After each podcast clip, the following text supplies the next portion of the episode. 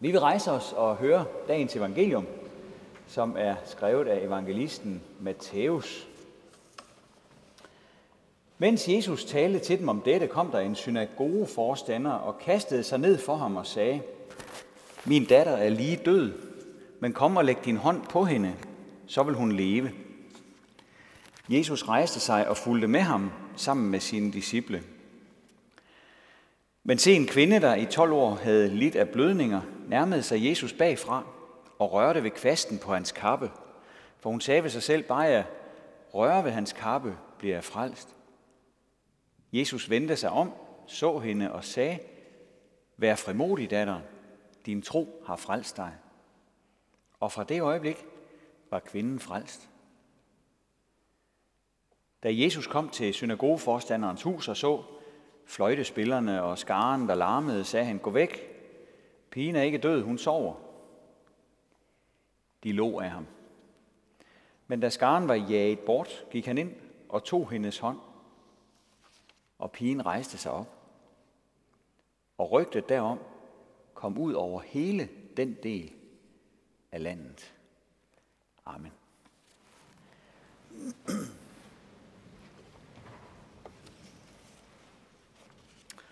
Matthæus fortæller, at der var to, der fik hjælp den dag, som vi lige har hørt om.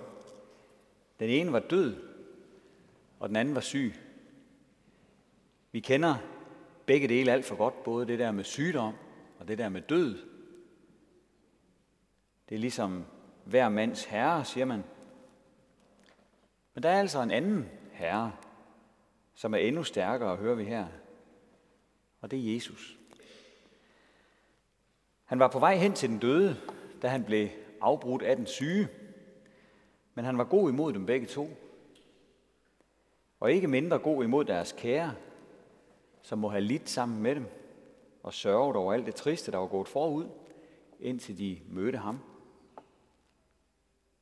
For der kom jo en helt ny begyndelse med det, der skete den dag for begges vedkommende. Og det gjorde der på flere niveauer.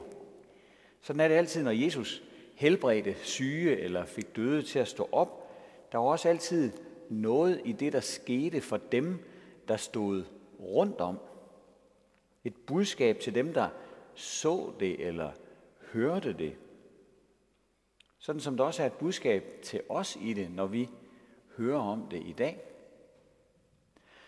Underne, som Jesus gjorde, de fungerede nemlig som, skal vi sige, en slags øh, store skilte.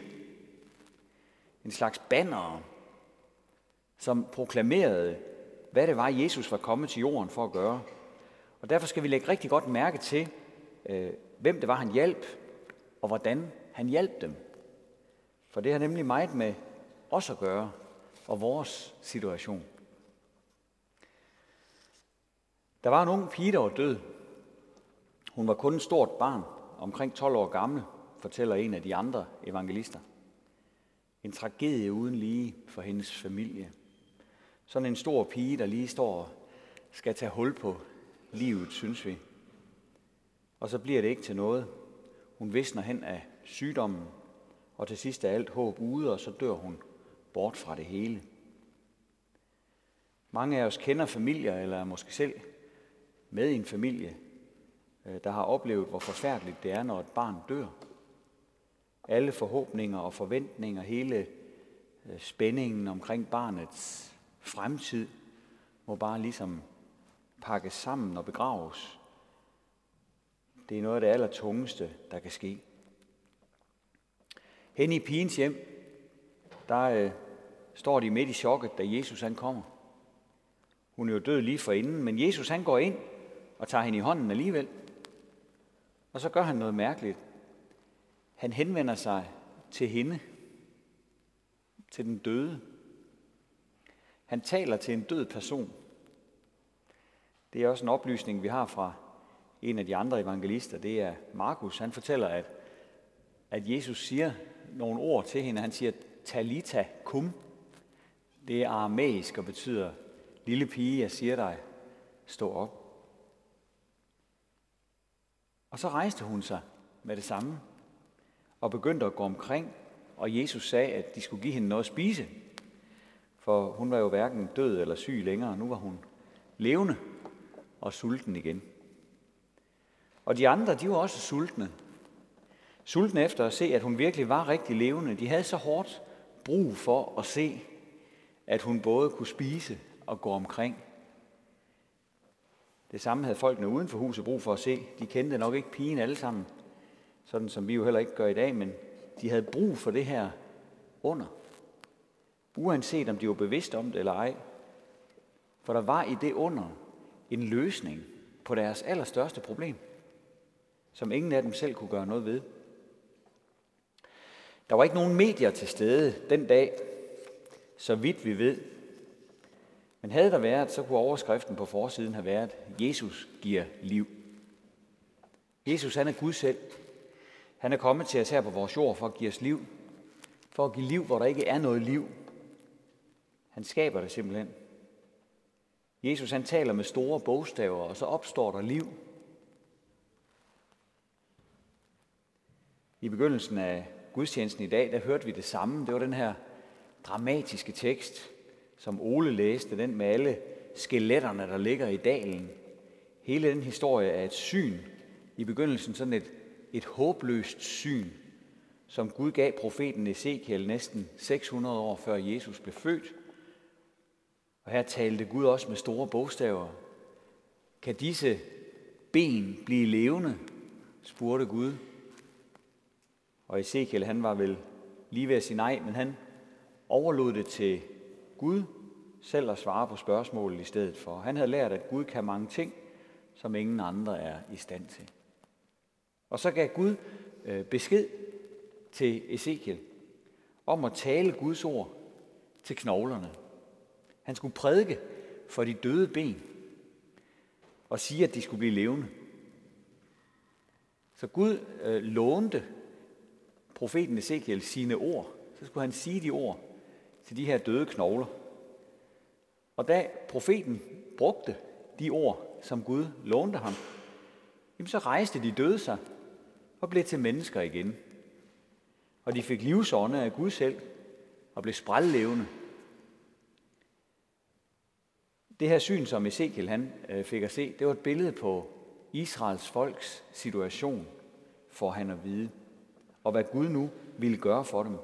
Gud han ville give folket liv igen.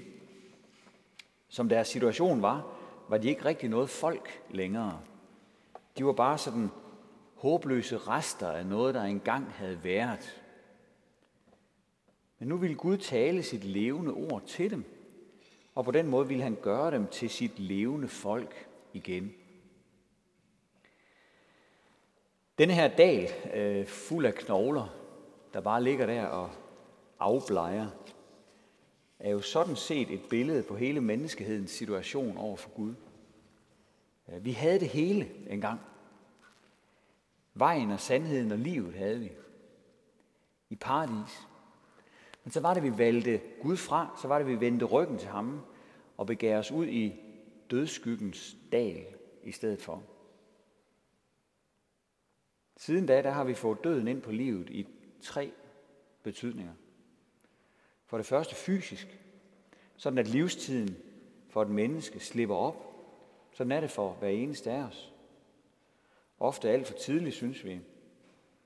For det andet, så kom øh, den åndelige død ind i vores tilværelse. En åndelig død, som også ramte hver eneste af os.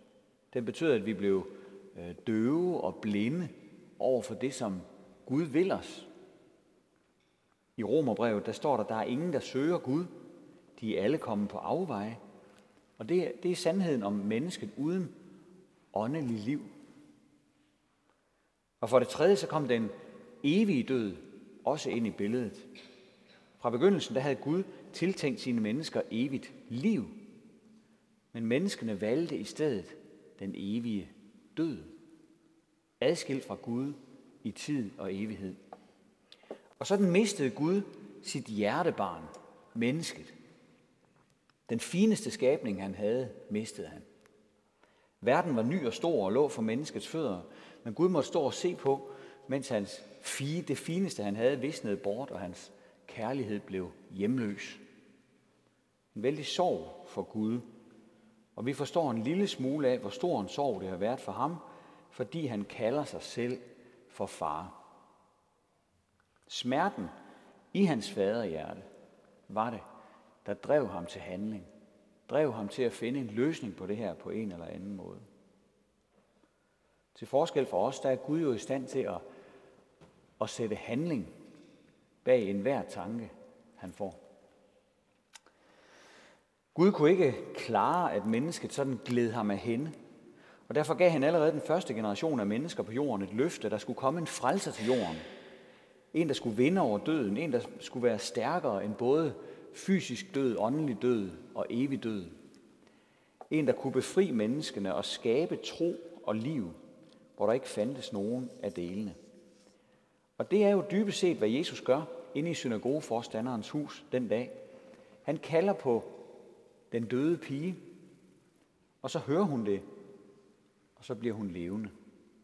Og troen vokser frem af det, han siger og gør. Sådan fungerer det, når Gud taler og griber ind i et menneskeliv, og troen vokser frem, så spiger livet igen, og døden må give slip. Den evige død bliver erstattet af evigt liv. Den åndelige død bliver erstattet af åndeligt liv. Og den fysiske død bliver kun en pause, noget ganske midlertidigt, sådan som Jesus selv mere end antyder det. Hun er ikke død, hun sover. Han vidste jo godt, at hun var død, men han kaldte det, at hun sov. Døden er altså for ham en lur, som han kan vække os af, som ingenting. Når Jesus taler sit ord til os, så er det ikke bare lydbølger, vi hører. Det er Gud selv, der taler, og hans hellige ånd er i det ord. Derfor skaber ordet, hvad det taler om. Sådan var det ved begyndelsen, da ordet blev talt, og så blev verden til. Hele verden og alt liv på jorden opstod, bare fordi Gud sagde, at sådan skulle det være. Hans ord talte og fremkaldte det, som ordet talte om. Og på samme måde skaber Guds ord, hvad det nævner den dag i dag. Når hans ord kan bane sig vej ind i øret, ja ind i hjertet på en menneskesjæl og kalde tro og liv frem, så skyldes det, at Gud kan overvinde alle blokeringer, selv de allermest umulige. Og derfor er det jo selvfølgelig også så uhyre vigtigt, at vi lytter til ham, så han også kan gøre det her under med os, så vi også får troen og får troen holdt ved lige.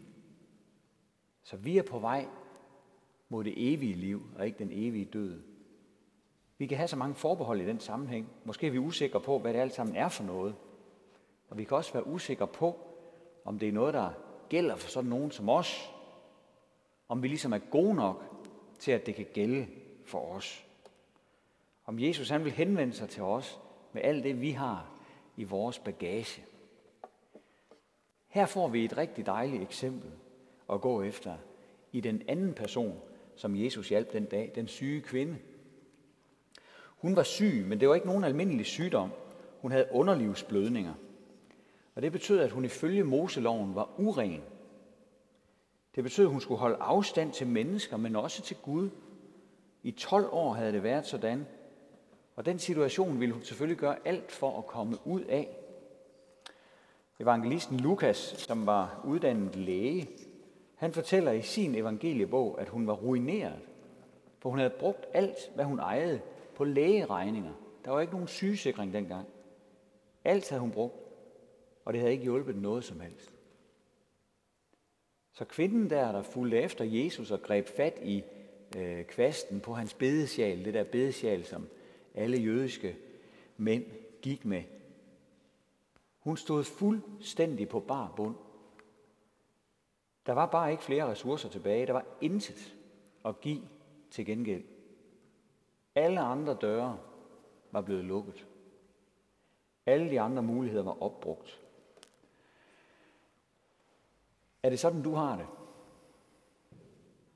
Hvis det er det, så glæd dig over det, du hører her. Jesus han hjælper den, der ikke har noget som helst at komme med, andet end sin uværdighed og urenhed. Den, der er gået rabundus. Jesus han vil tage hånd om din fastlåste situation, når du kommer i berøring med ham. Guds søn kom nemlig til verden og kommer til Guds tjenesten hver gang, som han er her i dag, for at give ny værdighed til de uværdige. Der udgår en kraft fra ham, som der stod, og så begynder han at læge vores liv. Jesus helbreder mennesker fra fysisk sygdom. Det sker stadig, når og hvor han vil. Men han gør også noget endnu større. Hver gang en kvinde eller mand griber ud efter ham i tro, så giver han en ny begyndelse. Så giver han nyt liv. Og derfor er det så afgørende, at vi øh, griber efter Jesus. At vi er med, hvor der bliver forkyndt om ham. Så vi får frimodighed til at tage ham i ærmen, når han går forbi i vores liv. At vi er der, hvor han Øh, kan tage os i hånden og sige, øh, rejs dig op, ligesom han gjorde med, med denne her pige på 12 år. Når der udgår en kraft fra Jesus, som giver os det evige liv og redder os fra den evige død, så må vi da ikke blive siddende for os selv og stige os blinde på vores egen uværdighed. Vi må heller ikke tabe modet over de døde ben og alle de lukkede døre, men vi må række ud efter ham. Vi må tage et skridt i tro, fordi vi tror, det nytter. Vi må lade ham rejse os op. Det vil han gøre, når vi kommer til ham. Den, der tror på ham, skal ikke blive til skamme, får vi at vide. Ære være faderen og sønnen og helligånden, som det var i begyndelsen, så også nu og altid og i al evighed. Amen. Og lad os rejse os og tilønske hinanden, som apostlen gjorde. Hvor Herres Jesu Kristi nåde, Guds, vor Fars kærlighed og Helligåndens fællesskab være med os alle. Amen.